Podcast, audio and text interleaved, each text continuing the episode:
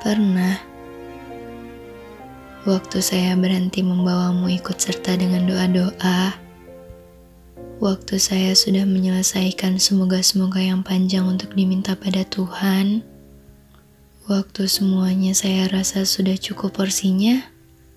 Tuhan malah mengadakan kamu di hadapan saya. Katanya kamu itu kebutuhan. Makanya diadakan.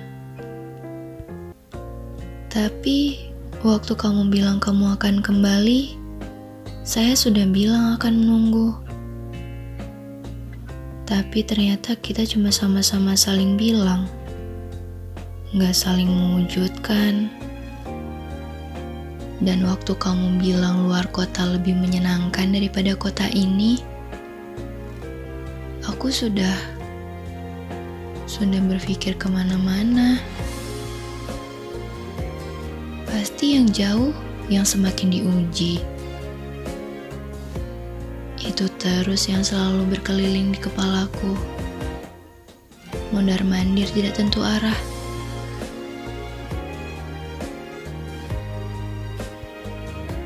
Tapi ternyata benar bahwa yang jauh yang semakin diuji.